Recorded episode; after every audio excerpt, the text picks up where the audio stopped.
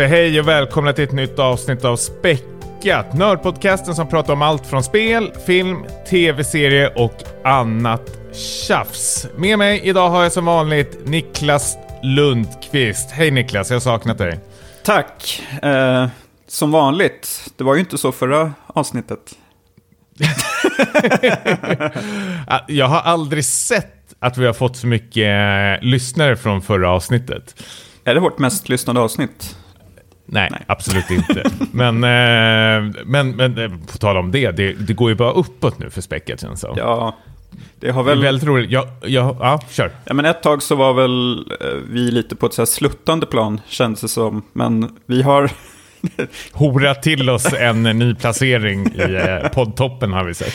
Ja, nej, men lite, lite så är det väl. Det, nej, men det är kul. Um, du skrev ju till mig efter du hade spelat in förra avsnittet där Dennis och Anton var med att gud vad skönt att äntligen få jobba med proffs.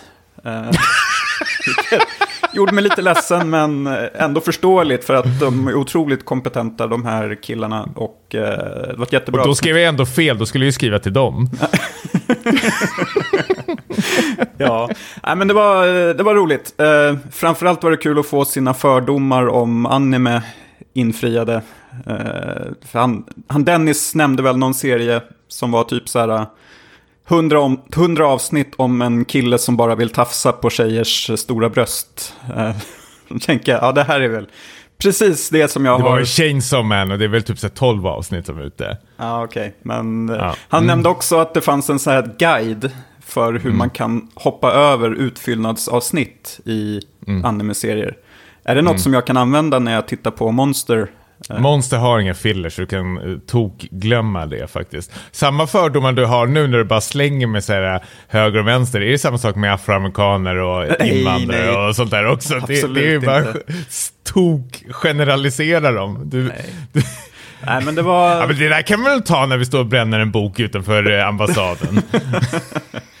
nej, jag, jag har gränser, får man väl ja. lov att säga. Men, ja, vad duktig du är. Ja. Ja, vi, vi, har fått, eller inte eh, kritik, men jag har fått lite sån här, um, eh, folk som har kommit och sagt, eh, berömt podcasten faktiskt. Uh, och så har jag sagt, ja men gud vad kul, vad är det bästa du tycker om? Typ där. Uh, ja, men jag, jag lyssnar på speldelen och sen spolar jag förbi resten, men då är det slut. Och sen har jag fått liknande, där folk har sagt, jag bara spolar förbi speldelen tills ni börjar prata om film. Ja, det är ju... Jag undrar hur det påverkar vår statistik, alltså hur algoritmen liksom krockar. Alltså för om du har en spelpodcast som är så här helhjärtat um, spel till exempel, eller film eller vad det nu kan vara, mm. då, då är man ju där för hela, för den liksom skiten. Nu pratar vi om liksom allt. Det är väldigt brett här. Ja. Men det är fortfarande populärkultur. Men då har jag fått reda på att det finns vissa lyssnare som plockar liksom russinen Godbitarna.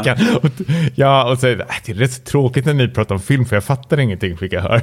Ja, nej det, det är för finsmakarna, det får man väl säga, den delen. Är det det? Ja. Är, är spel finkultur? Eh, spel? Ja, jag vet inte. Det väl, har väl varit fulkultur länge men börjar väl släppas in i finrummet nu med anledning av Last of Us-filmatiseringen. Men borde vi dela upp podden i två... Eh, borde vi göra två olika podcasts? Är det det du håller på fiskar efter? Nej, absolut inte. Det har jag inte ork till. Nej, det, det, det är det här det blir. Det, nej, eh, de får spola. Ja, bara... Mest spolade podcasten kanske hamnar på, så här, på poddtoppen. att spola förbi surret. Ja, nedspolad i toaletten. Uh, ja. ja, nej men uh, kul. Vi... Uh, ska göra ett vanligt avsnitt eh, den här gången. Vi har ju sjukt mycket att prata om. Eh, mycket nya stora spel som släpps ett i dagarna. Stort spel. Vi var tvungna att stryka ett eftersom embargon bet oss i röven här. Just det, um, det får bli nästa avsnitt. Uh, ja.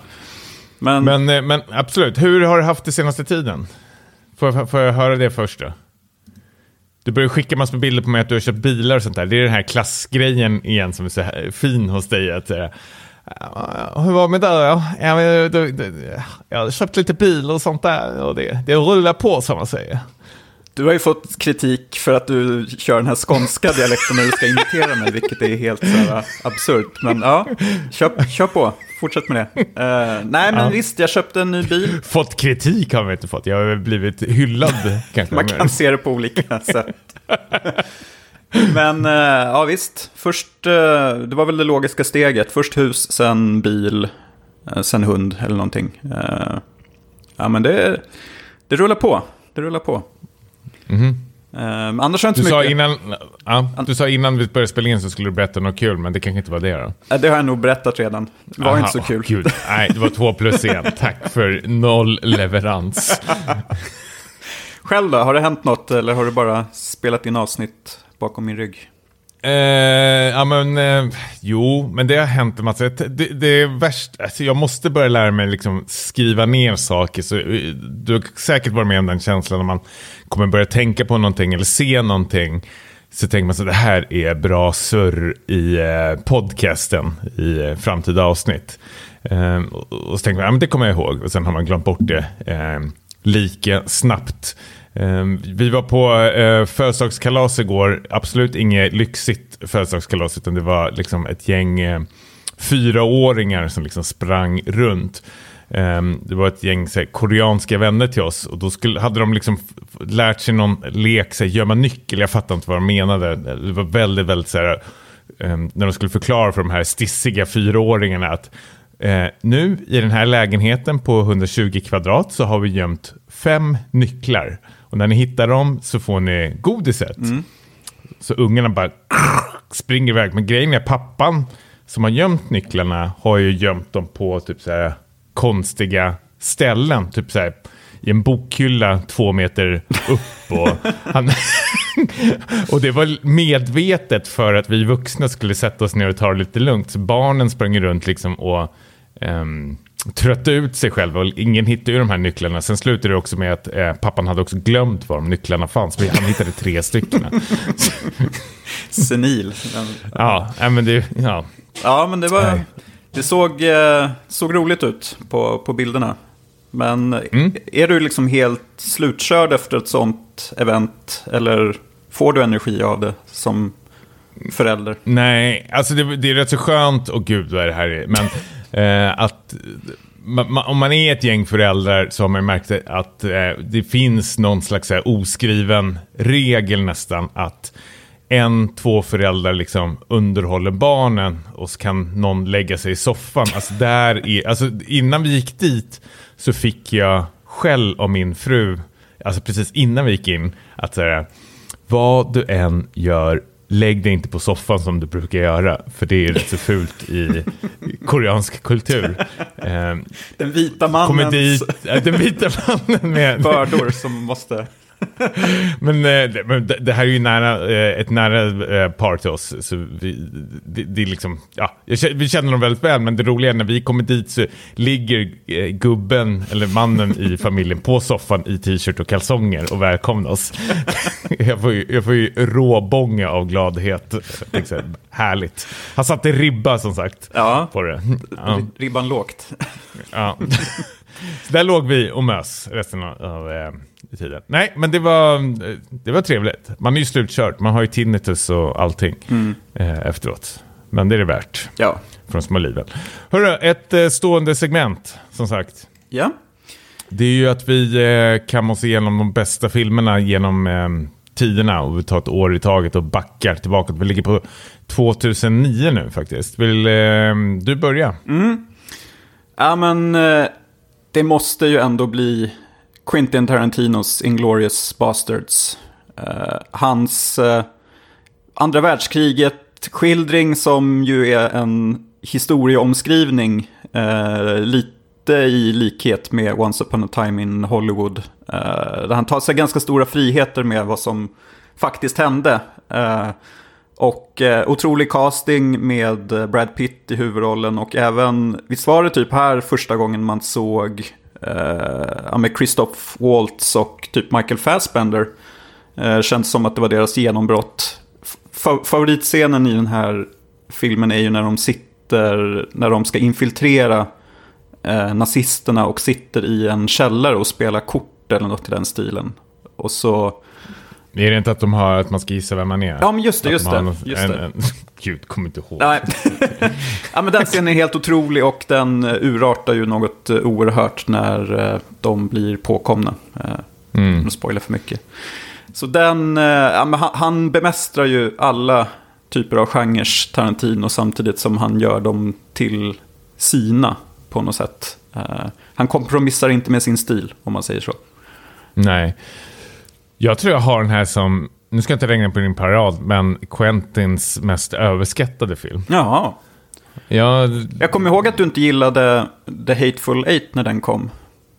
Ehm, den som nej, inte släpptes. gillade, men jag tycker också den är väl eh, inte så jättespeciell. Jag glömmer, alltså just den, Django och den här har jag liksom så här, glömde jag bort väldigt snabbt och hade inget sug att se dem igen. Till skillnad från ja, men Kill Bill eller eh, Pulp Fiction, Reservoir Dogs och, Once upon a time in Hollywood som jag tycker är ehm, mycket bättre eh, filmer. Jag tycker Inglourious Basterds börjar så otroligt, otroligt starkt och bra med den där ehm, kända scenen med Christopher Waltz i stugan. När han eh, ehm, kommer på den här familjen som har flyktingar ehm, under är Golvet.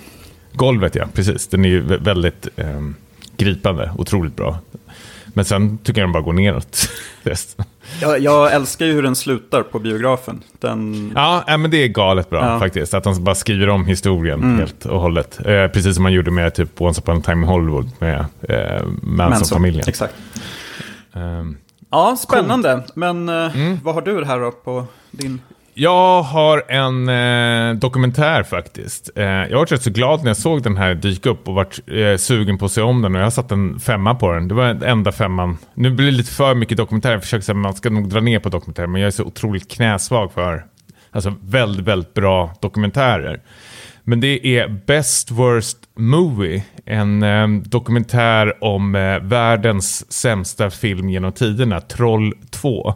Jag vet inte om du har sett det här eh, ökända klippet ifrån den här eh, pojken med glasögon. Så det är massor med, det är jättekänt YouTube-klipp om så här, worst acting ever.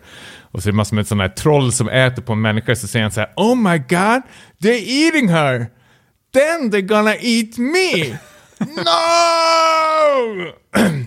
Och den här filmen är ju så här otroligt usel. Ja, men den har ju blivit liksom stämplad som en av världens sämsta filmer eh, genom tiderna. Men det har ju blivit en sån här kultgrej efteråt. Att det är så här um, eh, festivaler runt om i världen enbart liksom för den här filmen. Alltså lite som den här uh, The Room också. Att den har fått någon slags uh, kultstämpel att den är så dålig så den blir bra. Och då får man ju följa den här. Det är en så här, italiensk regissör som har gjort den här filmen som ehm, väldigt så här, ödmjuk, men, men han missuppfattar ju allt och tror att folk genuint gillar den här filmen och får någon slags så här, storhetsvansinne nästan, känns det som.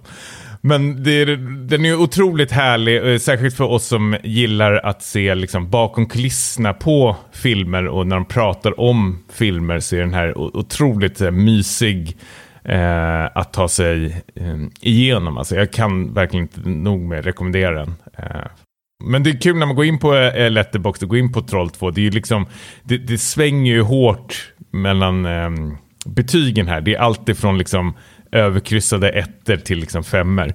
Ja, det är ju det man gillar. Jag kommer att tänka men på, för jag har inte sett den här, jag har lagt till den i min watch, watchlist nu.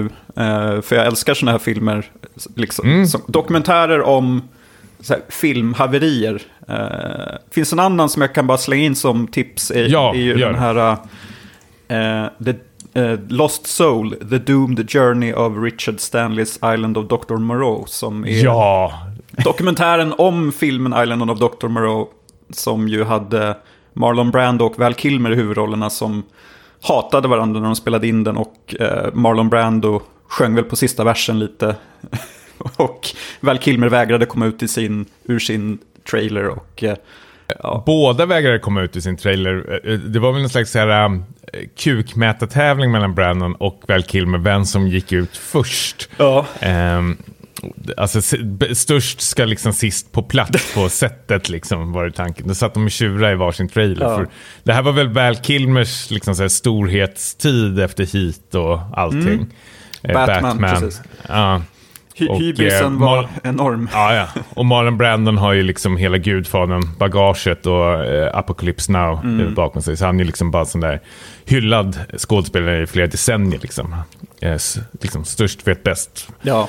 Um, jag kan ju hålla med, den är ju otroligt, otroligt bra. Det finns ju den här äh, Apocalypse Now ehm, dokumentären också, kanske du vet vad den heter. Ni pratade ju om den i eh, någon podcast för ett tag Det är sedan. något i stil med Heart of Darkness. eh, Into the Ja. Heart of Darkness. Jättebra. Um, Fan, det efterlyser egentligen lite fler sådana här. Det här är en riktigt jävla bra genre med filmer, alltså dokumentärfilmer om ehm, filmer egentligen. Ja. Don Quixote är också sån där jättebra dokumentärfilm. Eh, de här mardrömsprojekten som... Exakt. Eh, vad heter han, Monty Python-snubben? Terry Eh, Gilliam. ti- Ja, Terry Gilliam. Ja, men det, är ju, det visar ju hur svårt det är att göra en film eh, och sen... eh, Det, det är lite gripande också eftersom filmerna, flera av de här filmerna blev ju eh, kalkoner eller fiaskon. Och så ser man hur mycket kärlek, eh, filmkärlek ändå som har legat bakom produktionen och så blir det ändå inte bra. Eh, det, det är ju lite intressant på något sätt. Eh, så jag, gärna fler tips. Jag ska se den här nu som du hade med. Vad hette den? Best Worst Movie? Best Worst Movie. Annars är favoritdokumentären är ju Aliens-dokumentären. Supervinklad, men eh, den, den är ju härlig. Bara för att han som eh, spelar eh, Cap- Capo, vad fan heter han, eh, soldaten? Uh, Apone. Apone heter Ja. han. Eh, som är en sån gammal krigsveteran eh, som ska lära ut de här, alltså Sigourney och resten av skådespelarna hur man hanterar vapen. Men han hade någon slags grej att om de pekar vapnet mot honom så ska han trycka upp det arslet på honom. Eller han är otroligt uppkäftig i de här intervjuerna de gör. Och han är ju bara sig själv också, han är ju Ja. superhärlig. Alltså PT, PTSD. You know, I was from the Nam War Exakt. and what we do there. Och så röker han samtidigt on the set liksom. Ja, underbart. Kul, ska vi hoppa in på spelsegmentet? Ja, men det tycker jag verkligen. Ehm, jag är jättenyfiken på att höra om ett spel som jag hade som årets bästa spel 20... 21. 20? 21? The Returnal, eller Returnal heter den bara. Ja, Ehm, Eh. du har börjat spela den nu? precis. Det, eh, det är ju aktuellt för PC, eh, släpps i dagarna. Det har, Ja, det, precis. det har varit ehm, Playstation 5 exklusivt sen det släpptes i, för nästan två år sedan. Eh, så det var inte så många som spelade det eh, då för att det var ju svårt att få tag i PS5. -or. Jag tror du spelade det ganska sent det året vill jag minnas, eh, på hösten. Ja, jag var inte ens sugen på det. Jag tyckte det såg tråkigt ut till och med. Eh, precis innan det kom ut, när de utannonserade, kommer jag ihåg. Eller så här, inte ännu ett här lo- loop-spel känns det som. att det Ja, men det är inte min typ av spel heller. när Man ska bara börja om helt från början. Liksom. Det, det måste krävas mycket. Men sen var jag hemma hos några vänner och bara provade och då kände jag av kontrollen och bara så här, okej, det här känns ju helt galet. Jag måste testa det här. Och sen fastnade jag. Ja. Ja, nej men du har ju... Och jag har varit på dig. Du alltså- Jag har varit på dig som bara det. Nej, men för det finns ju mycket här som jag vet att du gillar. Liksom. Det är väldigt mycket tydliga influenser från Alien och sånt där. Ja, onekligen. Um, nej, men man spelar ju den här astronauten som kraschlandar på en eh, fientlig planet och det är ju någon form av eh, ja, men någon mindfuck-grej som försiggår här för att så fort man dör så eh, oavsett hur lång progress du har gjort så kommer du tillbaka till ditt kraschade skepp igen. Och eh, får börja om helt enkelt. Eh, Och har inte så mycket saker med dig eh, från den här, eh, vad säger man, runnen som du har gjort eh, tidigare. Ja, men precis. Och eh, för, när jag började spela så var jag otroligt vilsen. Förstod inte riktigt vad jag skulle göra och vad alla de här grejerna jag plockade upp innebar. Alla de här dörrarna med olika färger, vad innebär det här? Så det är egentligen bara att köra på. Tills man eh, börjar liksom greppa vad allt det här innebär. Jag kan ju ta som exempel första gången jag kom till eh, spelets första boss i slutet av den här eh, biomen som det heter, eller första världen. Ehm, och var supernära att döda bossen, men dog. Och då hade jag ju liksom en timme progress som bara försvann. Min, Men då var det liksom, jag satt och tänkte lite, så jag stängde av spelet då. Jag tänkte så här, min första instinkt... Dom domestic violence nu så kommer komma. Battery. Ja, men, eh, min, min första instinkt var inte att bli förbannad och, och kasta kontrollen i väggen som det kanske skulle kunna ha varit. Utan det var mer så här eftertänksamhet. Så här, Okej, jag, jag har tappat... Det är. Förlåt, men lyssnarna ser inte nu vad du sitter och gör, men du sitter och kliar dig på hakan samtidigt som du säger ordet eftertänksamhet. Jag, jag säger... Så intellektuellt så här. Ja, du, du, går runt så här, tar en promenad och lyssnar på lite klassisk musik och tänker lite så här, vad var jag egentligen med om? vad, har jag, vad har hänt? Vad är ett spel? Uh, men, uh, mm. Nej, men grejen var att jag, då kände jag mer så här, jag är jag är peppad på att köra igen med allt jag har lärt mig. Nu vet jag ju vad de här blåa dörrarna det innebär att här finns det loot. Um, dörr, dörrar med en sån här symbol ovanför betyder att då progressar jag i huvudstoryn. Um, fått lite tips av dig också vad som är värt att uh, uh, satsa på i, i mm. vapenväg. Och, um, och nu, har, nu har jag ju då tagit den här för, första bossen. Uh, ja, du har det? Ja, Tredje mm. försöket mm. så, så satt den. Och det var ju ett sånt här Snyggt. knyta näven i luften ögonblick. Ungefär som när jag spöade. En bra runk. Nej. Nej. Där satt den. Ja, nej, men för, det är ett sånt där Elden Ring-ögonblick. Du vet, när man dödar Margit första gången. Jag vet, men jag vet inte när, nej, du, om du nej, vet. Men, precis. Ja. Um, så jag är, jag är svinnöjd än så länge. Eh, är det sant? Jag, jag är på andra okay. biomen nu, som sagt, mm. en mer så här ökenplanet. Och känner... Den var stökig här för mig. Jag dog jättemycket där. Ja, jag har, jag har dött uh, flera gånger. Um, mm. Men det är ju smart designat spelet, för att det är ju inte... Uh, det är lite som i spelet Control, att världen du befinner dig i, den är ju föränderlig. Och rum skiftar platser, um, så att du känner inte att du går samma väg hela tiden, utan Nej. det blir oförutsägbart och spännande på det sättet. Um, jag är lite nyfiken för att uh, spelet fick ju lite kritik i början för att det inte gick att spara mitt under en run. Just det. Ja. Ehm, kunde man göra det när du spelade det? Ja, så jag spelade efter till och med när den eh, patchen släpptes. Och det hjälper ju eh, otroligt mycket. Ja. Säkert som så här, småbarnsförälder. Vissa, alltså det går inte att spela, eller för, mig går det inte att få ihop en hel run från början till slut liksom. Det, jag läste om flera stycken som fick så här, dedikera en kväll till det. det är bara det, det låter jättejobbigt. Utan jag kommer ihåg mot slutet så styckade jag upp spelet. Alltså man kanske spelade en biom och så sparade man så kanske man ja, var med familjen nu vad det hände och sen startade man upp det igen och så på kvällen och mm. körde lite. Man styckade upp det liksom eh, som man själv kände för. Jag tyckte det var skönt. Ja, för när du ska klara spelet då måste du väl spela igenom alla biomer från början till slut egentligen. Fast du tar lite genvägar antar jag då. Ja, Ja, precis. Jag ska inte spoila Nej. för mycket. Men det, det finns lite så, här, så, så, alltså man kan ju ta sig igenom det väldigt, väldigt snabbt. Liksom. Så det, det du gör egentligen med de här värdena när du ska spela om dem, det är egentligen att du samlar på dig liksom material. Eh, det gjorde jag i alla fall, material för att liksom vara gerad mm. upp mot slutet. Liksom. Så du, du kan ju liksom springa till sista stället på direkten, typ. Eh, men då har du inte så mycket gear på det och du har inte fått upp det max OP. Men sen när du börjar liksom fatta det, liksom, du hittar kanske ditt favoritvapen eh, och vet liksom vad du ska satsa på och vad du ska leta efter, då blir det lite lättare hela tiden. Ja. För, eh, saker som följer med i... Uh, nu får du rätta mig om jag har fel, men alltså vapnen följer inte med, men man, man levlar väl upp så här, abilities på vapnen. Ja precis. Precis, och desto mer du använder ett vapen så levlas de upp och de finns alltid kvar. Mm. Och det tyckte jag var kul ändå, för då uppmuntrade spelet ändå att byta vapen rätt så mycket. För att om du bara har spelat med en typ av vapen tiden levla upp det, då kanske du inte får det vapnet i en run och då går du runt med ett pissdåligt vapen mm. hela tiden. Så det gäller att ha en liten sån där härlig fingertoppskänsla ibland när man ska byta vapen. Även fast man, eh, det droppas ett vapen som är liksom kanske statistiskt bättre mm. så kanske jag känner att ja, men det här vapnet jag håller i just nu hanterar jag mycket bättre. Så då behåller man det eh, i alla fall. Mm. Eh, och tvärtom kan det vara också att eh, man får ett bättre, liksom, starkare vapen som man vill liksom levla upp, men man, man känner att man inte... Jag, jag har varit med om flera vapen som jag känner att det här vapnet bemästrar inte jag. Men så har jag valt det och sen har man låst upp ability så det blir liksom helt galet mot slutet. Liksom, mm.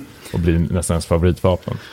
Ja, alltså det, jag har ju märkt att det är en så high risk, high reward faktor i det här spelet. Jag har ju börjat så gå in hårt i början av en run och försöka ta de här svåra fienderna för att då liksom levla upp mig snabbt. Mm. Um, och går det åt helvete så gör det det, då är det bara att börja om.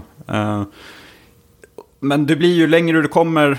För jag, jag tycker att det är intressant med den här sparfunktionen mitt i. Jag har använt den en enstaka gång. Um, den här att du You suspend a cycle heter det, så får du börja mm. igen. Ja, precis. Uh, för de, den gången när jag började, återupptog den cykeln så tyckte jag att det var jättesvårt att komma in i var jag var någonstans och vad jag hade gjort. För att mm. jag märker ju när jag börjar från början så blir jag gradvis varmare i kläderna och eh, starkare och får in flowet. Så att när jag är vid sista, eller bossen då, då känner jag mig ändå redo och har byggt upp mig tillräckligt mycket för att kunna klara av den. Så jag skulle aldrig kunna, tror jag, pausa en cykel precis innan sista, eller bossen då, och, eh, och återuppta den och klara den. Det hade nog inte riktigt funkat. Men jag är ändå glad att funktionen finns, för jag fattar att det, det är surt att behöva bryta mm. om man har någon form av uh, andra åtaganden. Nej men, nej, men det är ju det är som ett gympass, liksom, att man, eh, man börjar lite med de lätta vikterna i början för att sen liksom komma upp till eh, de tunga grabbarna. Um, Ja. Det är ju samma sak här känns som. Så jag håller med dig, absolut. Ehm, jag känner att det fanns väl lite så här vissa, alltså det var skönt för mig bara att den funktionen fanns för mitt psyke tror jag. Att då kan jag liksom välja själv lite hur jag vill mm. eh, lägga upp det. Men jag tror ändå i slutändan så var det ju ändå att när man klarar spel så var det ändå från en, en hel, liksom, en, en, en fast omgång om man nu ska säga. Mm. Ja, äh, avslutningsvis vill jag ändå säga att, säga att musiken och ljudet är helt fenomenalt. uh, kör med lurar eller? Nej, jag kör med min stora tv och bara brassar på. Och så säger min fru... Brassa på med dina 2.1 speakers. Säger min fru från ovanvåningen, kan du sänka? Har ni en sån här käpp hon slår? slår i golvet. Morsekord. Ja, nej, men då, ja. när man äh, blir attackerad av fiender i första biomen, det här mullrande ljudet, Off. det är som ett så här, Dennis ja. Villeneuve-soundtrack. Så bara, mm, bara mal mm. på oss. Har vi pratat om Dennis Villeneuve ja, vi... någon gång i här podden? Han måste nämnas varje avsnitt, det står i ja. kontraktet. Ja, men det är helt otroligt. Och jag för mig att du nämnde någon gång att det här känns som att det är någon form av andlig eh, uppföljare till Metroid-spelen. Att det är typ så här de borde gjort det. Eh, Har jag sagt det? Det lät ju jättesmart. Ja, det, det kanske inte var det. Jag inte. Nej, jag tror inte det. Men jag håller nog med nästan. Jag, det här föredrar ju absolut. Nu när ändå Metroid Prime och sånt har kommit ut. Mm. Eh, så är det ändå på tapeten kanske. Men, eh, nej, men det här, det här är ju något slags Metroid-spel nu när du säger det ändå med den här kartan som är lite 3D-aktig. Man eh, snurrar runt på. Mm. Men det här är absolut mitt favorit roguelite spel genom tiden. Alltså. Mm. Och det är som du säger, musiken, stämningen. Jag tycker hon huvudkaraktären är svinbra. Jag gillar de här audiologsen som ligger så utspridda, eh, som man lyssnar på. Liksom. När man går in i det där huset också. Ja, också, när det blir så första person. Ja. ja. precis. Jättebra är det. Det är ett kanonspel det här. Alltså. Jag är till och med sugen på att plocka upp det igen. Inte klara det igenom, men bara för att liksom känna och klämma på det igen. Mm. Um... Ja, jag är peppad på att spela vidare. Uh... Ja, men det blir fortsättning alltså. Det, det blir du kommer köra vidare. Jag är inne ja. i det. Ja, uh, och det betyder att nästa spel har du lagt på hyllan då som vi ska prata om. Vi, eh, du skrev till mig att nu... Ja, alltid är det mitt fel. Så fort det är något dåligt då är det alltid du skrev till mig. Om det är något bra då hör du att ah, det var något som surrade på vägen. ja, men vi har ju båda känt lite på eh, Thief Simulator. Tjuvsimulatorn. Eh, en polsk spelstudies... Uh, spelstudio. Jaha, vad du var påläst. Ja, det, ja. fick upp det här nu.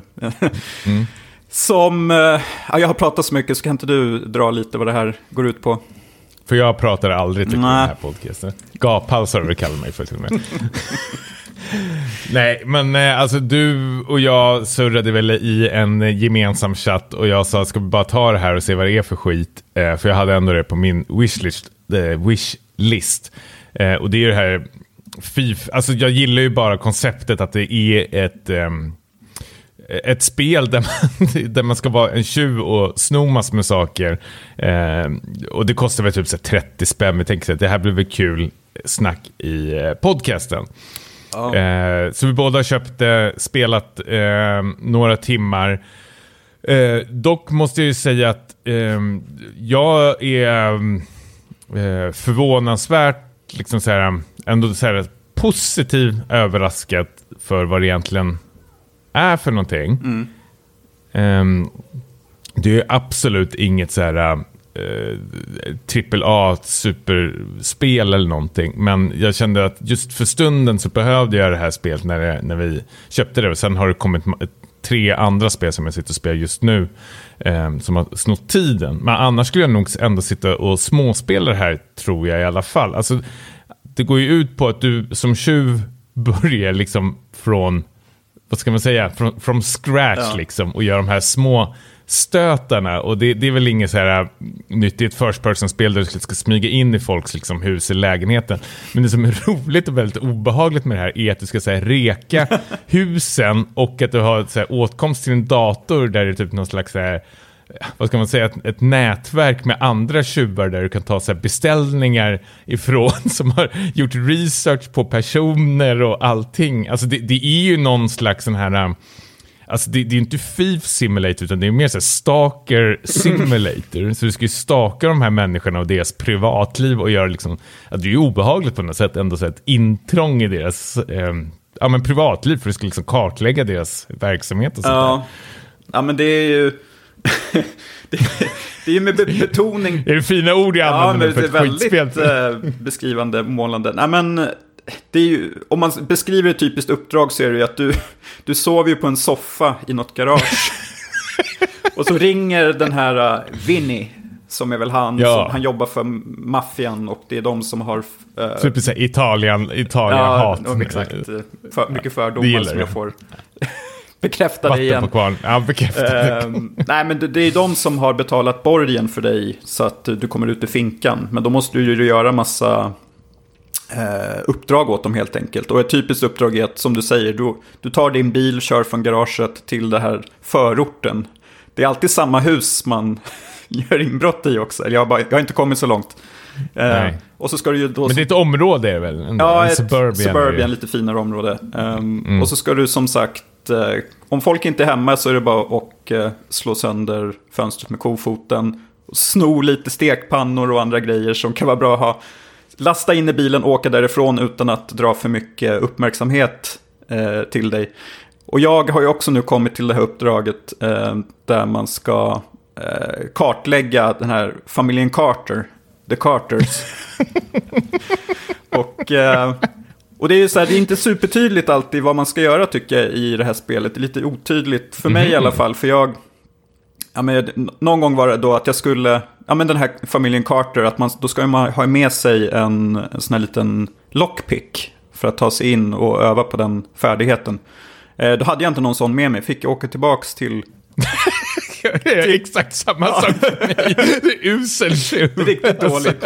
Så då köpte jag en lockpick och så tog jag mig tillbaka då till eh, Carterhuset och när de inte var hemma så skulle jag då försöka lockpicka det, precis som i Fallout-spelen. Att du håller på och mm. försöker eh, ta dig in den vägen. Och så bröt jag sönder lockpicken i låset.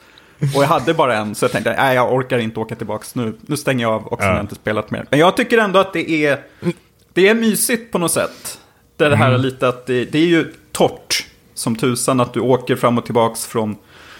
Men så här, du kör ju bil också, det är rätt kul. Jag vet. Man måste så här, parkera den på ett eh, snyggt sätt så att det inte blir liksom eh, för suspekt också. Så finns det parkeringsrutor. Man kan sova i bilen utanför husen och allting sånt där. Som en jävla luffare. Alltså det, det är ju ett jävla eh, LOL-spel. Alltså det är långt ifrån ett så här, pissbra spel, men det är inte dåligt på något sätt att det är fullt med buggar eller någonting, utan det är, det är vad det utger sig för att vara. Liksom. Om du vill ha en FIF Simulator så får du en FIF Simulator.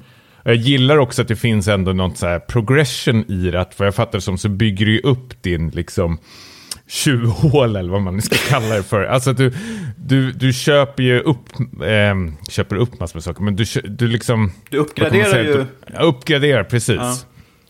Ja. Eh, både huset och allting, alltså där du bor, så man ska bli den här mästertjuven.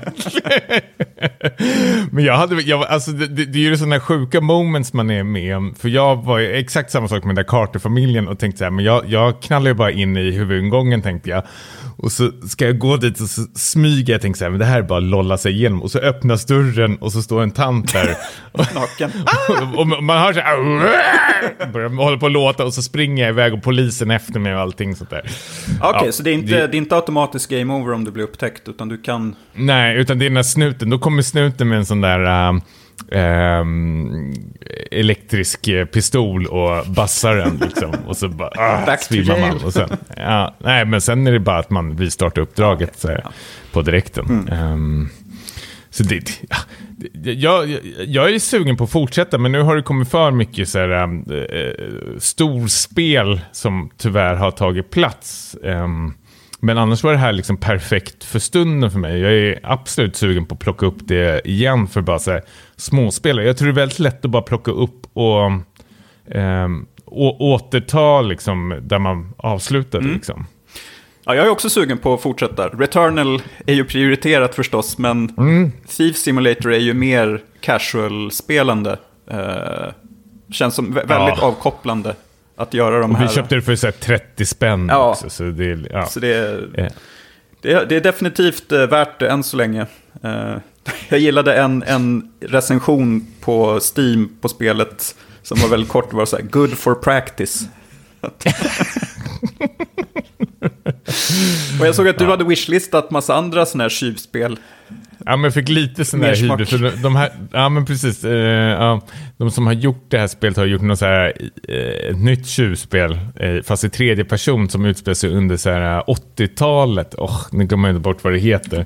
Eh, så här, Theft Simulator kanske något. Nej, jag vet fan. Ja. Eh, men det, det sa folk också skulle vara väldigt, väldigt eh, kul också. Mm. Vet du vad jag ser nu? Nej. Thief Simulator 2 har utannonserats. Åh oh, jävlar! Okej, okay. undrar om det är multiplayer på det nu när jag tittar på det? Mm. Nej, det här åker ner i wishlisten på direkten. Herregud. En god You're no longer alone if you want. Så nu kan, man, nu, nu kan vi tjuva tillsammans. Ja. ja. Nej, men fan vad kul. Ja, men bra. Det här kanske blir god i det. Mm. Det ligger bra mm. till. Ja, uh. absolut. Ja, men här, fan vad kul. Um, jag sitter och tittar på massor med videos på det nu. Det ser svinkul Ja, men balt. Ja, men vi har ju ändå en väldigt efterlängtad recension på ett av, eller kanske årets största spel hittills. Uh, och det är du som har spelat Hogwarts Legacy. Mm, ja men precis. Jag har satt tänderna i det, eh, både jag och min fru faktiskt. Mm. Men jag tycker vi, vi börjar nästan från eh, ruta ett ändå, för både du och jag har ju inte haft alls eh, höga förväntningar eh, på det här spelet. Jag var ändå rätt så säker på att det här skulle bli en någon slags eh, flopp utav det. Det känns som en eh, franchise man vill liksom så skita ut för att liksom få lite pengar och sen är det lätt att, att svänga med de här um, orden att det är open world i det här um, Harry Potter-universumet. Det, det, är liksom, det, det, är lätt att gå på de där uh, um, lätta som sagt. Uh, jag tänker samma sak när de här Pokémon-spelen nu har blivit så open world uh, och folk blir så här helt galna i början av. Att äntligen får vi så 3D-Pokémon med open world, men nu det ser bara skit ut. Och många verkar vara väldigt besvikna också. Mm. Men eh, Chi fick jag. Det här har ju blivit någon slags dundersuccé. Eh, både i eh, liksom, recensioner, hur kritiker har tagit emot det och liksom, antalet spelare. Det har ju slagit liksom, Twitch-rekord, Steam-rekord i eh, liksom, antal spelare och tittare på ett single player-spel. Eh, vilket är jättekul. Det är kul när man eh, när det liksom, eh, motbevisar ens liksom, så här, eh, negativa förväntningar. Eh, faktiskt. Eh, ja, jag tror det kan vara viktigt också. Det är två saker jag vill ta upp eh, innan vi pratar om själva spelet. Både liksom min koppling till Harry Potter är att jag har ju som liten, eller när böckerna släpptes, så läste jag ju dem och, och har läst allihopa och tyckte väldigt, väldigt, väldigt mycket om eh, böckerna eh, faktiskt. Jag tyckte det var otroligt bra och längtade att få eh, läsa dem igen, fast med min son. Däremot är jag väl kanske inte något så större fan utav filmerna. Eh, absolut inte dåliga, men de, de känns väldigt så här... Uh, framstressade skulle jag vilja säga. Typ, um, för att de inte ska hinna man... bli för gamla, ungarna? ja, men, ja det, dels det, men de är väldigt så korta och så här, nerklippta eh, kan man känna liksom, när man har läst böckerna och har dem liksom, eh, färskt i, i minnet. Mm. Um, jag, jag, vet inte, jag, jag, är inte jätte, jag, men de skulle nästan vilja se om för liksom, de har inte sett på så här jättelänge. Men jag, liksom, och där någonstans har liksom Harry Potter-universumet liksom tappat mig. Eh, de här fantastiska videorna såg jag bara första filmen och somnade under den. Eh, och sen helt plötsligt får jag reda på att det ska komma en tredje film, eller om tredje filmen. Alltså jag har bara släppt den franchisen. Mm. Eh, och det är ju inte lättare att liksom J.K. Rowling är ute och typ såhär, vevar. vevar på sociala medier på, eh, ja men det är väl eh, transpersoner liksom som eh, ska eh, pratas hit och dit.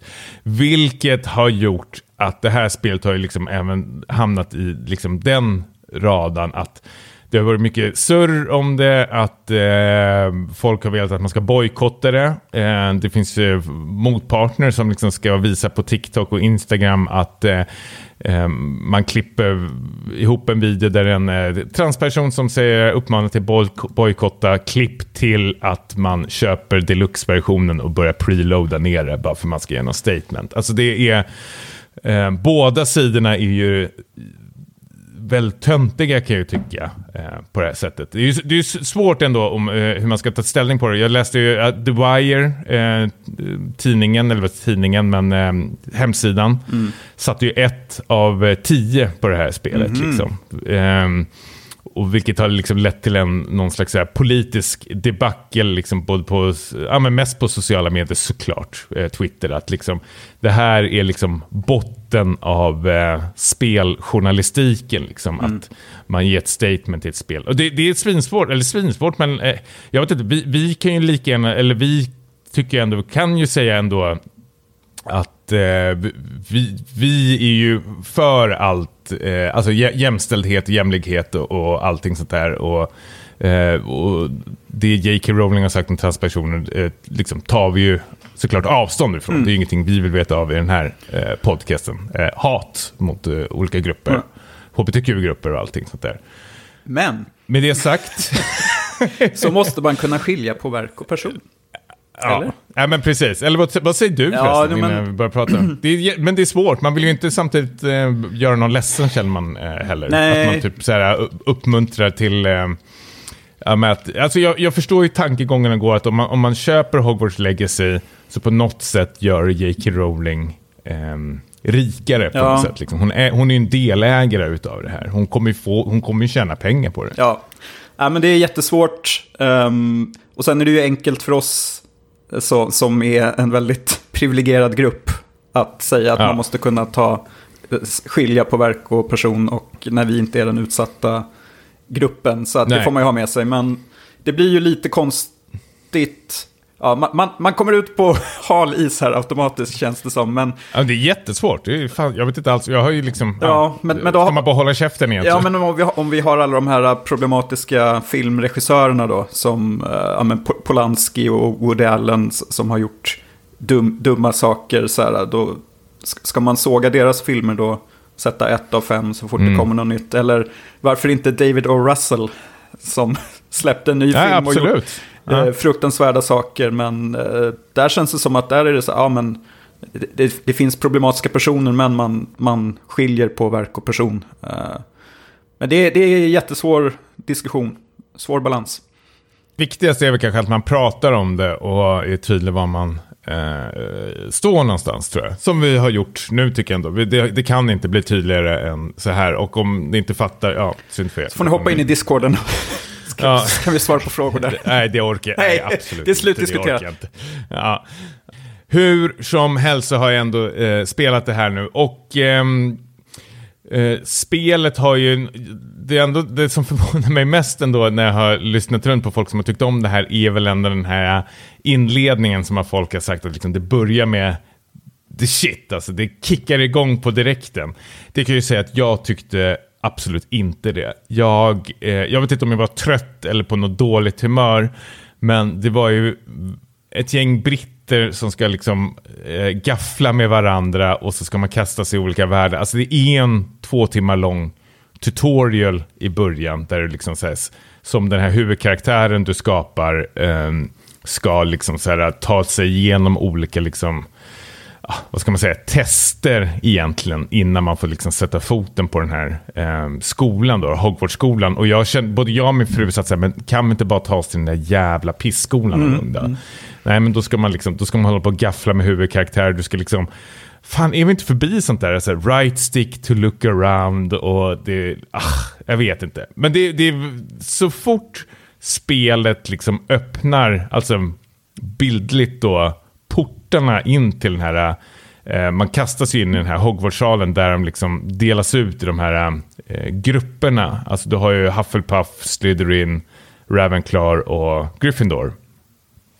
Eh, så får du ju med ett litet så här eh, banalt quiz, eller vad man ska kalla det för. Liksom så här, den här hatten man sätter på huvudet då ska liksom gruppera in en i eh, vad, vad man tillhör genom att svara på liksom två, tre lätt, jättelätta riktade frågor som man vet liksom på förhand eh, var man hamnar. Men det, det, är väl lite småkul i alla fall. Och om man skulle känna att man inte är nöjd med sitt val, eh, då kan man bara trycka på en knapp och så får man välja liksom själv manuellt. Men jag gjorde det här lilla eh, quizet och vart eh, Ravenclaw. Mm. De intellektuella, smarta, roliga. Klart. ja. Mm. ja. Men det är här liksom spelet öppnar sig, tycker jag. Liksom när du kommer in i Hogwarts. Så helt plötsligt så blir ju Hogwarts ett, liksom ett open world-spel. Där du ska, som den här huvudkaraktären du spelar, då, gå på lektioner för att lära dig liksom magi. Um, ja, men du, du ska egentligen leva som, ett, som Harry Potter gör egentligen på, i eh, filmerna och böckerna. Och det, liksom, det man märker på direkten är liksom hur... Ehm, Ja, men, du och jag har väl kritiserat väldigt mycket sådana open world-spel, alltså att man märker att de här plupparna börjar komma fram. Eh, och så är det typ här också, men de har liksom fixat till det på något sätt att, jag vet inte att man har liksom på förhand att liksom det här universumet är spännande till en början, för jag kommer ju på mig själv, eller jag och min fru kom på oss själva att vi går ju runt och klickar på allting och integrerar med saker och tittar runt. Alltså det är ju ett magiskt slott du är inne i. Och det händer ju saker runt omkring, alltså på väggarna, saker och ting rör sig, det är liksom spöken som eh, svävar igenom. Så det känns ju väldigt så här, levande den här skolan. Så jag tycker de har gjort ett otroligt, otroligt bra jobb eh, och tagit med det här universumet liksom in i, i spelet. Um, combaten i den här spelen är ju väldigt eh, simpel så långt som jag har spelat. Det är liksom en klassisk dodge-knapp eller en counter-knapp eh, då, där du får liksom en, nästan en gloria runt huvudet när du ska trycka på counter. Det går ju väldigt snabbt, eh, men man, man, man lär sig väldigt snabbt. Och sen är det liksom att fienderna får någon slags aura runt omkring sig, en så här röd aura eller blå, och då ska du använda en magi som liksom bryter sönder den auran. Eh, och det känns bra också. De har ingen så här lock-on-mekanik, utan den förlitar sig lite på att hur du tittar med kameran. Du spelar ju tredje person. Eh, och då lyser fienderna upp lite grann. Men jag tycker du får ett, liksom ett bra flöde i combaten. Det går väldigt snabbt. Det känns som ett liksom, roligt liksom, tredjepersons eh, shooterspel, eh, skulle jag säga. Um, men jag, så jag, ja. ja. men jag, jag är ju framförallt nyfiken på, för jag har tittat på lite videos här och tycker det ser rätt mm. trevligt ut, men jag är ju nyfiken på de här uh, lektionerna uh, i, i själva Hogwarts. För jag, jag har ju gillat ja. både ja, Persona 5 då när man ska balansera studierna med Eh, strider och även Bully tyckte jag var väldigt kul. Eh, Rockstar-spelet där man, som utspelas på en skola är det kul att gå i skolan eller är det bara någon sån här sidogrej som inte är så spännande? Alltså hittills har skolan för mig varit eh, main stories. Och jag har hållit mig väldigt undan ifrån eh, eh spoilers. Jag, vet, jag har inte klarat det här. Jag har bara spelat... Jag, alltså, um, det finns ju ett spel till som jag har faktiskt tagit över som jag inte får prata om utan det får vi prata om till nästa avsnitt. Mm. Det som har hänt är att min fru har ju hijackat det här spelet. Hon orkade inte vänta på mig så hon tog ju bara över. Så hon sitter ju och spelar och hon är helt eh, förälskad i det. Mm. Men så långt jag har kommit så har liksom eh, huvuduppdragen varit liksom en i alltså, de här skolklassmiljöerna för att, alltså lektionerna menar jag. Mm. Eh, för att lära sig nya magier. Men sen skulle det inte förvåna mig att man kanske kan dela upp det. Någonting. Jag vet inte, jag, jag får nästan återkomma. Men alltså, jag är ju väldigt, väldigt, väldigt positiv, överraskad till det här spelet. Eh, även fast inledningen i, i mitt tycke var lite seg. Men så fort du liksom sätter fötterna i den här eh, skolan, då tycker jag att det liksom kickar igång eh, rejält. Mm. Eh, faktiskt. Så jag, jag, är, jag är peppad på att fortsätta. Eh, ja, för det är ju... Och spela igenom det. Precis, det här är ju ett 30-40 timmars spel. Eh, och, så, och jag vet ju att du har börjat spela ett annat väldigt långt spel gissar jag. Så det, eh, det blir tufft för dig. För du sa att du skulle dra ner på, på spelandet, men nu är du fast igen. Ja, nej, dra ner nej, men på spelandet. Fokusera på ett och samma i taget i alla fall.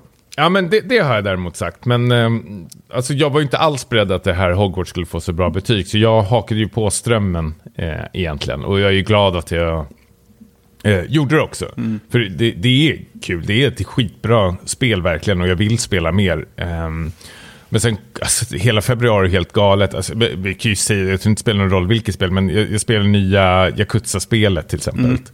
Mm. Och sen sitter jag uh, och väntar in, eh, eller vi väntar in det här Final Fantasy-musikspelet, mm. Feterrytm, som också kommer i februari. Alltså det är tre helt otroliga spel som jag vill liksom, här, sätta tänderna i. Så det, däremot har jag fått eh, dra ner på tv-serier och filmer nu senaste tiden. Mm. Så det, har, det, det blir den här prioriteringsgrejen igen. Mm. Ja. Ja, nej men jag är... Mm, du tittar bara på fotboll? Ja. ja. Nej, men eh, jag, jag, vill bara hålla med om det du sa innan, att man blev ju positivt, eller man blev glad.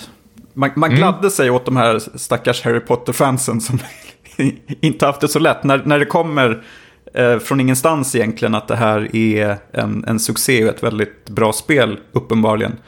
Jag har mm. ju inte, jag har sett några av filmerna, eh, aldrig varit riktigt så här superintresserad. Min fru däremot är väldigt... Varför då? Ja, men... Uh, jag vet inte. Jag läste första boken.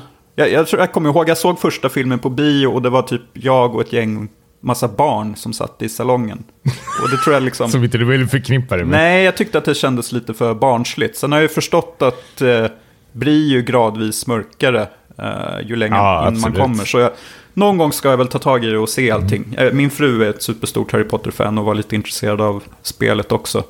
Ehm, mm. Så det kanske blir Läs böckerna skulle jag säga, de är jättebra faktiskt. De är det? Um, ja, men det tycker jag. Jag tycker de, eller jag vet absolut inte hur de står sig idag för en 40-åring. Men uh, jag vet inte, om du har, ser lite med uh, ungdomsögon så tror jag absolut du skulle gilla dem. De är väldigt lättlästa, men de, det är ju ett otroligt universum hon lyck, liksom, lyckas bygga upp uh, med ett härligt liksom, eh, karaktärsbibliotek eller vad man kallar det för. Um, ja. Och sen eh, är det ju väldigt, hon är väldigt duktig på att skriva twister i de här. Det var mest det jag förvånad, varit förvånad över, hur de lyckas vända på vissa saker i storyn och allting. Den är ju väldigt spännande faktiskt. Um, och härliga twister. Så det, jo, nej, men jag, jag tycker det är bra.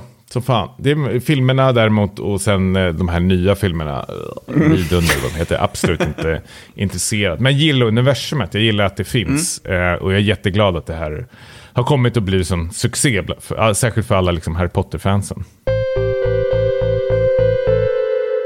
Jag har varit på bio eh, och sett eh, Knock at the Cabin, M. Night Shyamans eh, senaste ja, thriller. Han gör väl inget annat än eh, thrillers, känns det som. Um, Mysterium är väl ofta inblandad. Ja, men det är väl bra. Han har väl jämförts med nutid, kommer jag ihåg. Det var någon som sa det för väldigt länge sedan. Jag tror en person har fått äta upp det. Men vår tids eh, Alfred Hitchcock. um, ja, i början kanske, men sen... Ja, men, men kan, kan, vi inte prata ändå lite om M. Night För han är en superintressant regissör tycker jag. Det är, det är en regissör som har liksom kasta sig, inte mellan olika genrer, men olika typer av filmer och liksom kvalitet på det. Eh, vilket jag tycker gör honom så här, äh, jätteintressant eh, regissör. Man vet liksom aldrig vad man kommer få när man ser hans eh, filmer. Och jag, jag sitter aldrig liksom och längtar till hans filmer eller någonting, utan de helt plötsligt bara dyker mm. upp. Eh, från ingenstans och då brukar jag känna att ah, det här ska man väl se bara för att. Jag vet att jag såg eh, Old eh, han släpptes på så här, via Play eller någonting och det var typ så här, ah, det, det var så uselt. Eh. Men ändå underhållande va? På något sätt. Tveksamt.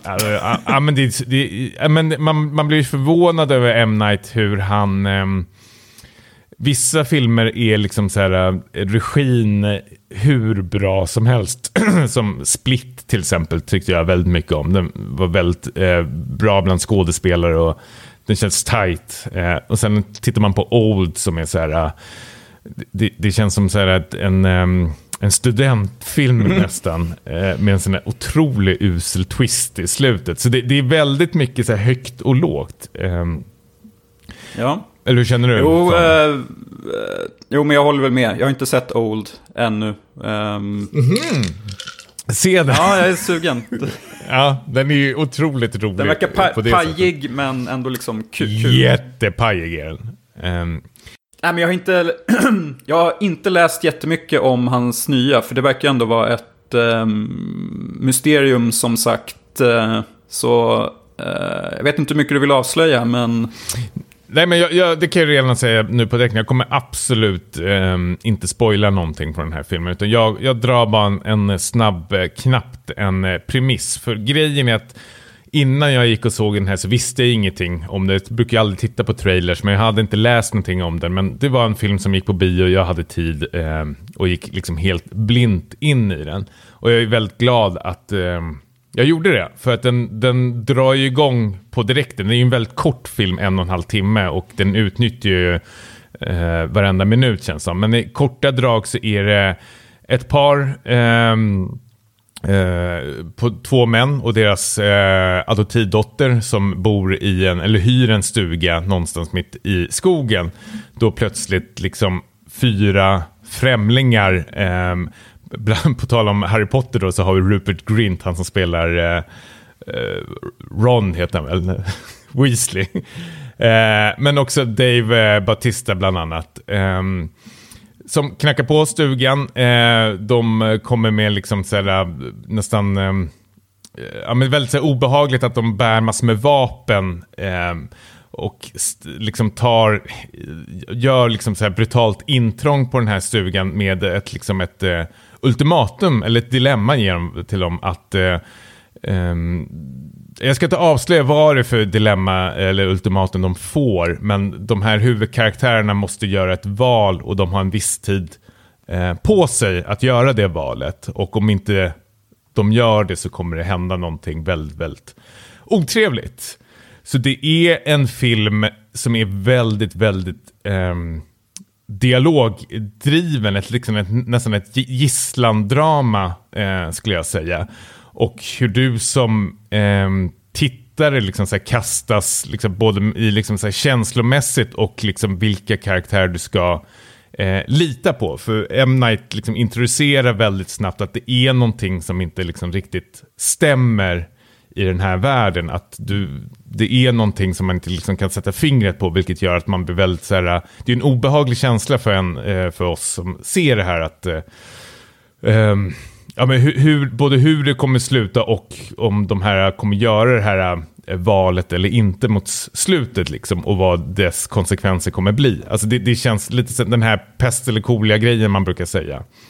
Eh, och de, den är superspännande eh, rakt igenom. Det den eh, kanske förlorar på för att få liksom, en, en fullpoängare är väl att M. Night har ju fortfarande liksom, problem med eh, dialoger, alltså hur saker och ting är skrivet. Eh, karaktärerna kanske är lite för övertydliga ibland. Och mot slutet så blir det nästan, så här, eh, nästan obehagligt eh, skriven på näsan eh, av honom. För att liksom, han ska få med alla tittare känns det som att det här har hänt, så här ligger det till.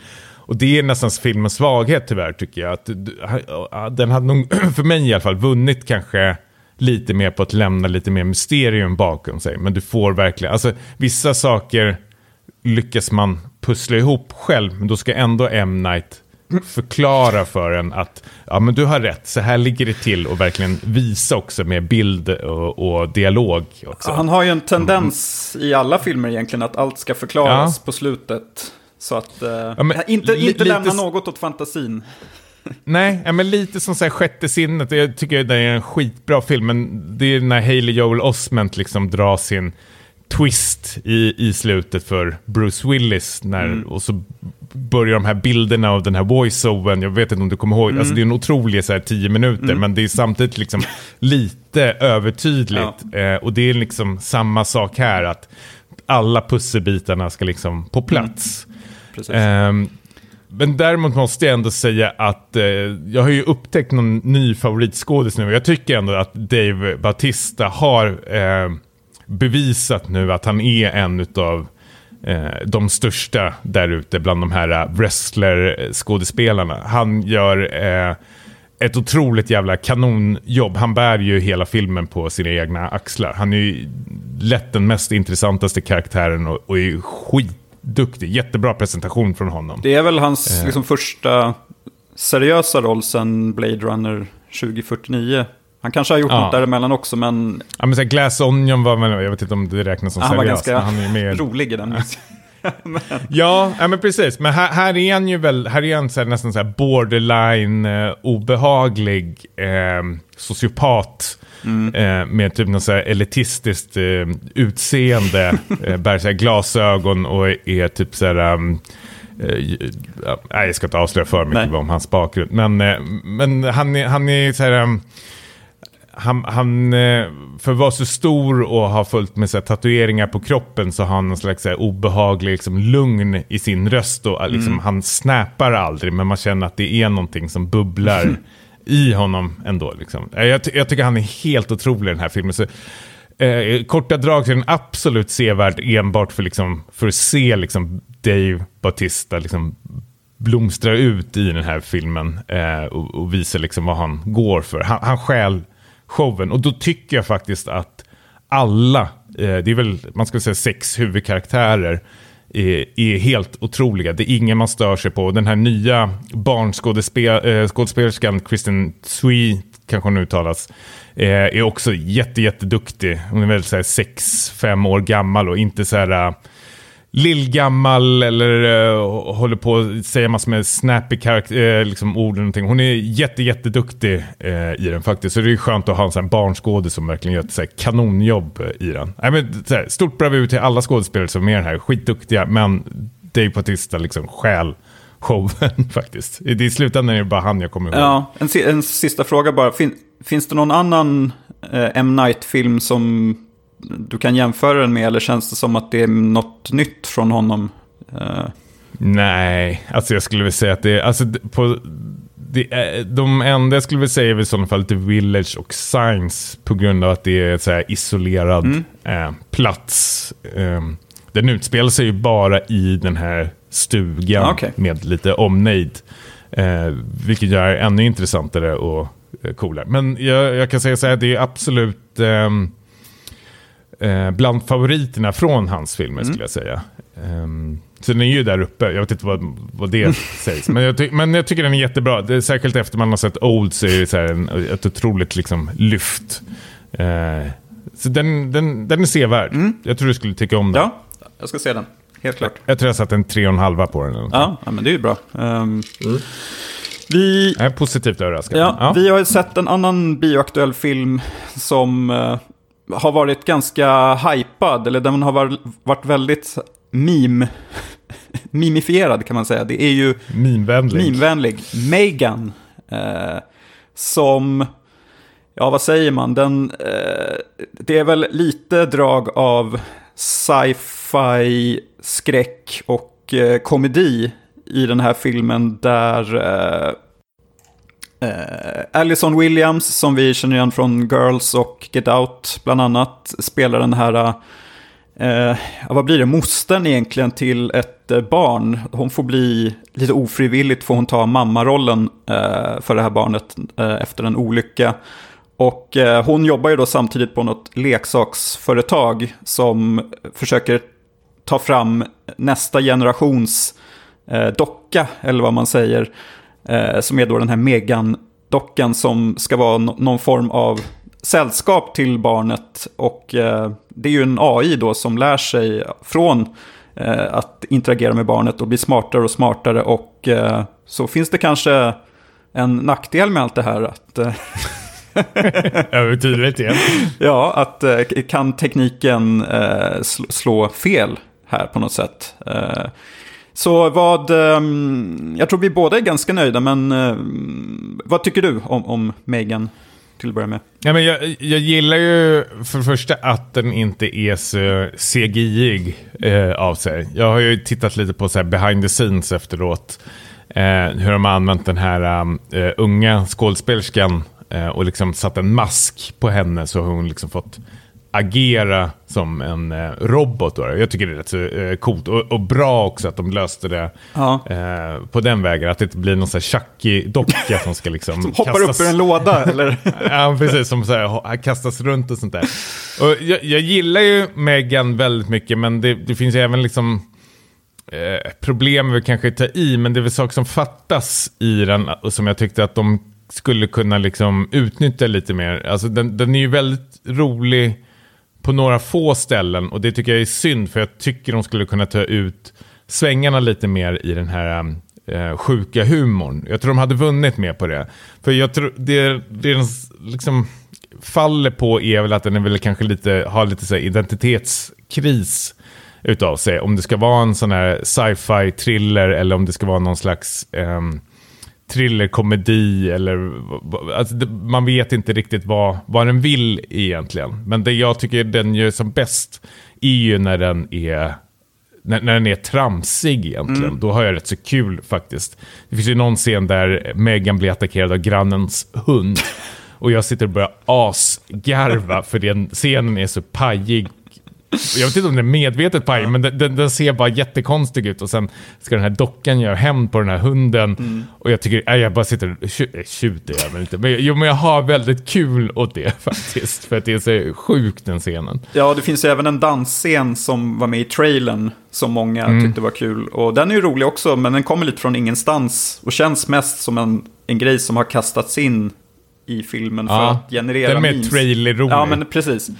Eh, men jag, jag gillade den framförallt tror jag för att den var ganska kort och liksom, den ja. tog sig inte på allt för stort allvar. Även fast den försöker ju ta fram, eller ta med så problematiska delar med eh, jag vet inte, frånvarande föräldrar med, som försöker hitta någon ersättning till, till barnet och så blir barnet argt när de försöker ta bort, eh, när det blir för mycket av eh, dockan eller skärmtid. Det finns väl någon par parallell där.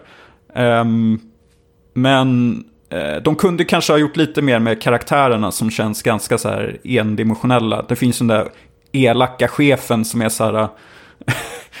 som ska bara ha deadlines, som är väldigt så här, överdrivet ond. Uh, mm. Ronny Chang. Ja, han var väl ganska kul i och för sig. Men det känns som att det... Ja.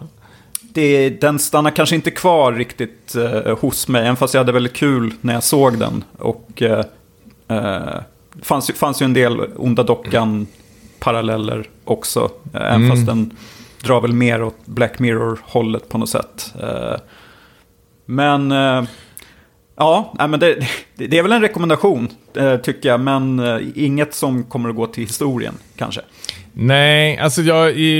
Ja, det, alltså det finns mycket potential här. Men någonting jag blir så väldigt irriterad är ju att det, det är så lätta Eh, dörrar, dörrar som ska sparkas in. Men det, för, först är de här sociala kommentarerna som du nämnde alldeles nyss. Men sen är det ju också att det ska komma en uppföljare nu. Och redan på förhand vet jag vad den kommer heta. Och så hade jag ju så ack så rätt att den kommer heta Megan 2.0.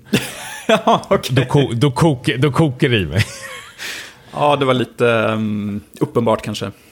Ja, men, äh, men jag hoppas ändå på en... Alltså, uppföljaren är kanske ingenting jag ber om, men nu när det ändå ska komma en så tycker jag ändå att de borde, eller de ska, eh, ta ut svängarna lite mer. Göra lite mer, sjukare. Jag tänker mycket på så här, Sam eh, Mendes, eh, Sam, Sam Mendes, vad heter han? Evil Dead-skaparen. Sam Raimi.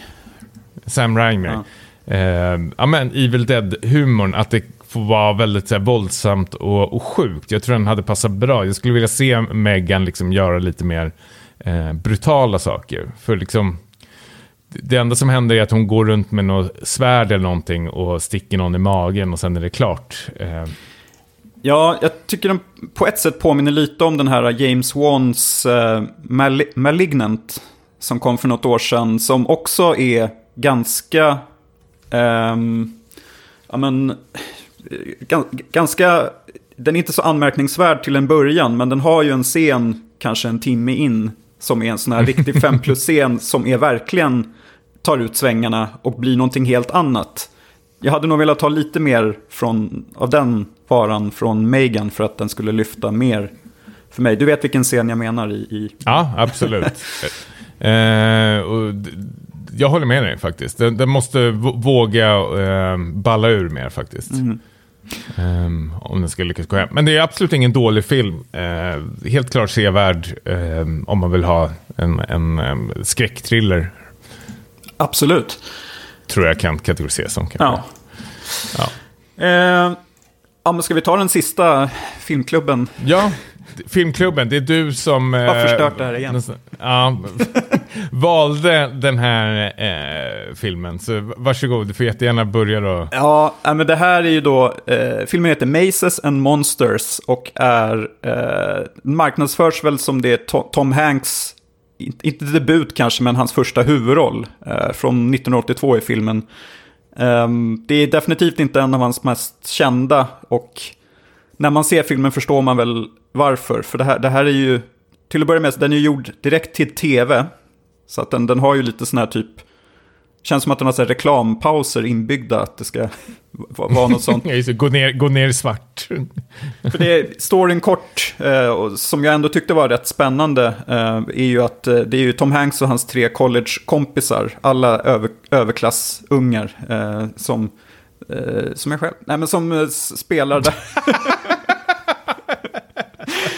som, spelar, Faktiskt. som spelar det här... eh, da, Mycket som känns igen här. som spelar det här Du- Dungeons and Dragons eh, rip-offen eh, Maces and Monsters och börjar liksom förlora sig mer och mer i spelet och få svårt, framförallt Tom Hanks karaktär börjar få svårt att skilja på spel och eh, verklighet och går in väldigt mycket i sin karaktär som är någon präst av något slag. Han går runt i någon morgonrock. Sen, det är så otroligt dåliga scener när han går omkring på college med, med den här prästrocken. Eh, Och den, ja, den här filmen är ju usel på, på alla sätt. Ehm, Mm. hade kunnat bli bra om det fanns något Nej. mer. Nej, men, om vi tar musiken till exempel, den är liksom så här, Ja. en sån här saxofon, eh, komedi, soundtrack. Passar inte alls till den här liksom ändå läskiga stämningen som ska försöka komma fram. Jag tror att den här premissen har potential och skulle kanske kunna göras en remake på. uh, och det skulle kunna funka, men Nej, varför då? Det skulle bli sånt jävla rabalder tror jag. Alltså filmen är väl från grunden gjord, alltså det, det är baserat på en bok som är baserad på en typ verklig händelse som hände typ, eh, alltså det, det är ju en, so, vad kallas det för? Alltså en så sån här här... um, moralpanik-grej känns det som.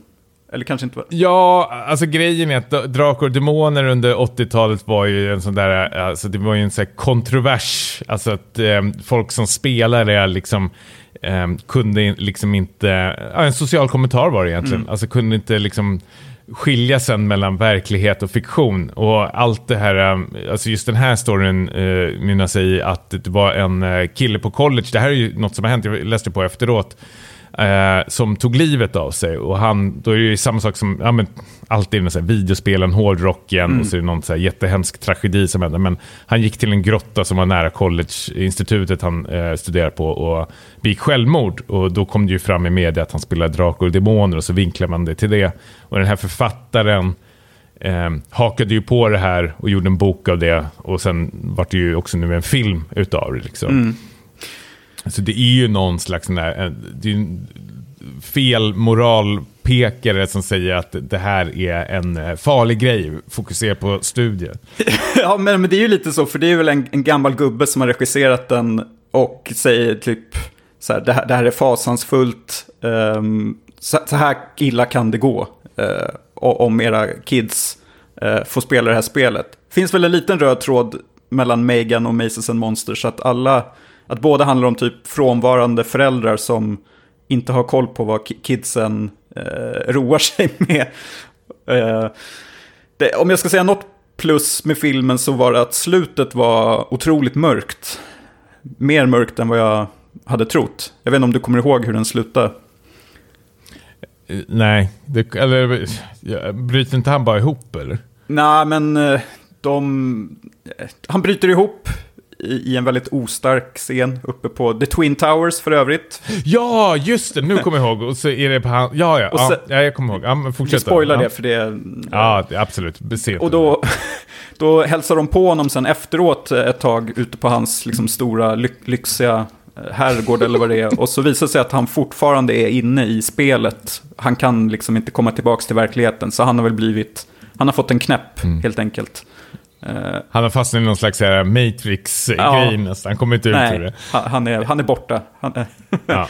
det var väl lite bra, men... Uh, det jag ändå gillar med den, eh, som jag gillar ändå mycket, det är ändå att det är en fin sida utav överklassen. att filmen är så här, den, den poängterar sig sjukt mycket så här, här ska vi följa fyra pissrika människor som är nördar. Mm. Och då mm. tänkte jag så här, Ja, det var faktiskt rätt så fräscht. Ja, jag håller med. Det har, man, det har man aldrig sett innan. För annars har det varit, alltså, om man tänker typ så här, Stranger Things mm. är väl någon slags här, vanlig eh, suburban medelklass. Som typ, behöver lite eh, eskapism. Uh. Ja, men precis. Eh, men det kommer jag att tänka på. Jag har nog aldrig sett en, liksom, så här, en överklass som vill liksom så här... Um, eh, försöka ha lite gojs i hissen, mm. liksom, eller vad man nu ska kalla det för. Ja, men det tänkte jag faktiskt också på, att det var lite mm. fräscht, mm. eh, att det inte var den här, eh, vad heter det, tropesen med... med ja. um... Eftersökes, filmer där överklassen är snälla. ja. Alltså, och det, och det, det, finns, det är säkert jättelätt att få tag på, men jag vill nästan ha att det, det ska inte vara någon klassfråga i det, utan du ska ju bara hoppa in i en film där man får följa bara ett gäng människor. Alltså riktig jävla överklass. För det här är väl någon typ av internatskola mm. nästan de går på. Mm. Och det är väldigt fina kläder och frisyrer och allting. Men de är ju ingen poäng av, det är ingen så klasshat eller någonting. Eller någonting så här, utan det är, det är bara settingen är liksom i den fina delen av USA. Liksom. Sen är det med det. Jag tyckte det bara var så eh, fräscht. Ja, jag håller med. Man kände, man kände sig hemma. ja, i övrigt så fanns det väl tyvärr inte mycket att hämta här. Uh, Nej, var... alltså det, det, annars kan jag tycka det är charmigt när man har så här, det, man stöter ju på lite monster eller någonting som finns i deras fantasi, men det är så här pappfigurer de har byggt mm. upp som gör lite oväsen. Alltså det är så uselt ja. eh, alltihop. Det, ja, nej. Det här, det, Den här grottan var ju bara, ja. kändes som någon dålig kuliss som de hade satt upp. Eh, den... Ja, herregud. Det var ju en sån där grotta där folk gick in och hade en bunt Fibban med sig och tömde av sig. För man haft en jobbig kväll med familjen. Typ. Ja, verkligen. um, ja, så det, det, var väl inte så mycket mer än det. Det fanns intressanta grejer, men inget vi kan stå bakom uh, direkt. Nej. Men du har ju valt... Uh, men kom, ja. kom, kom, gärna med tips om uh, liknande filmer, fast bättre då. Uh, du har ju valt en film som ska förhoppningsvis uh, bli mer lyckad i nästa filmklubb. Vill du berätta? Det är kul att du säger liksom du har valt, som liksom, nu får du ta ansvar själv ja, för det. Men jag, jag tar smällen för den här, det var ju mitt fel. Uh, nu, nu, får du säga vad det är. Nej, men jag tänkte att vi kanske ska gräva lite i obekväma genrer, eller genrer som liksom fattas ändå, eh, som man inte har tagit del eh, utav så mycket. Eh, både du och jag, tänker jag. Eh, och det är ju ändå Charlie Chaplin har vi inte gett någon... Jag tror inte jag har sett en enda Charlie Chaplin-film faktiskt. Nej, inte jag heller. Man eh, har bara sett massor med klipp, men jag har aldrig tagit mig igenom en hel eh, film. Och en av de största filmerna är ju Modern Times, Moderna Tider som den heter. och ska väl vara en av hans bästa. Ja, jo men det har jag hört också. ja, jag vet inte vad det innebär. Nej. Men, ja, men alltså, man känner ju till så mycket otroligt eh, från uh, Chaplin, alltså Stadens ljus, Diktatorn och uh, vad fan heter den? Limelight eller vad den heter. Um, ja, det finns ju en hel del. Mm. Eh, men jag tänkte att det här kan kanske bli en um, inkörsport till Chaplin, om man gillar det eller inte. Ja, vi testar på helt enkelt om det är något för oss. Mm. Eh, och den finns på Cineasterna bland annat. Finns väl att hyra Ja, det också. finns säkert att tanka ner eh, på sig via Play eller någonting. Ja. Skulle förvåna mig. Ja. Kanske. Eller hyra eller vad det är. Kul! Grymt! Ja, äh, men eh, vi tackar för oss och sen eh, blir det ett jävla dunderavsnitt eh, nästa avsnitt också hoppas jag. Ja, det blir ju Yakuza. Det blir... Eh, blir det Blood Bowl 3? Kan du få några koder till dess? Ja, just det. Blood Bowl 3 kommer ut, det är den 23. Ja, det borde vara bra Ja, timing. Vi får se. Ja, men det, ja, men det är riktigt så här, håll käften peppad på. Blood Bowl-ligan, tror du våra lyssnare, jag tror aldrig våra lyssnare har gäspat så högt när vi nämnde så här, Blood Bowl-ligan med lyssnarna. Next, Så säger de lyssnarna. spola. Det såg man Ja, jag tror vi förlorar statistiken åkte ner till bara. Ja. ja, vi får se. You're on this own. Ja. Ja. ja, grymt. Hörru, du får det så bra Niklas, så hörs vi. Detsamma. Tja då. Tja.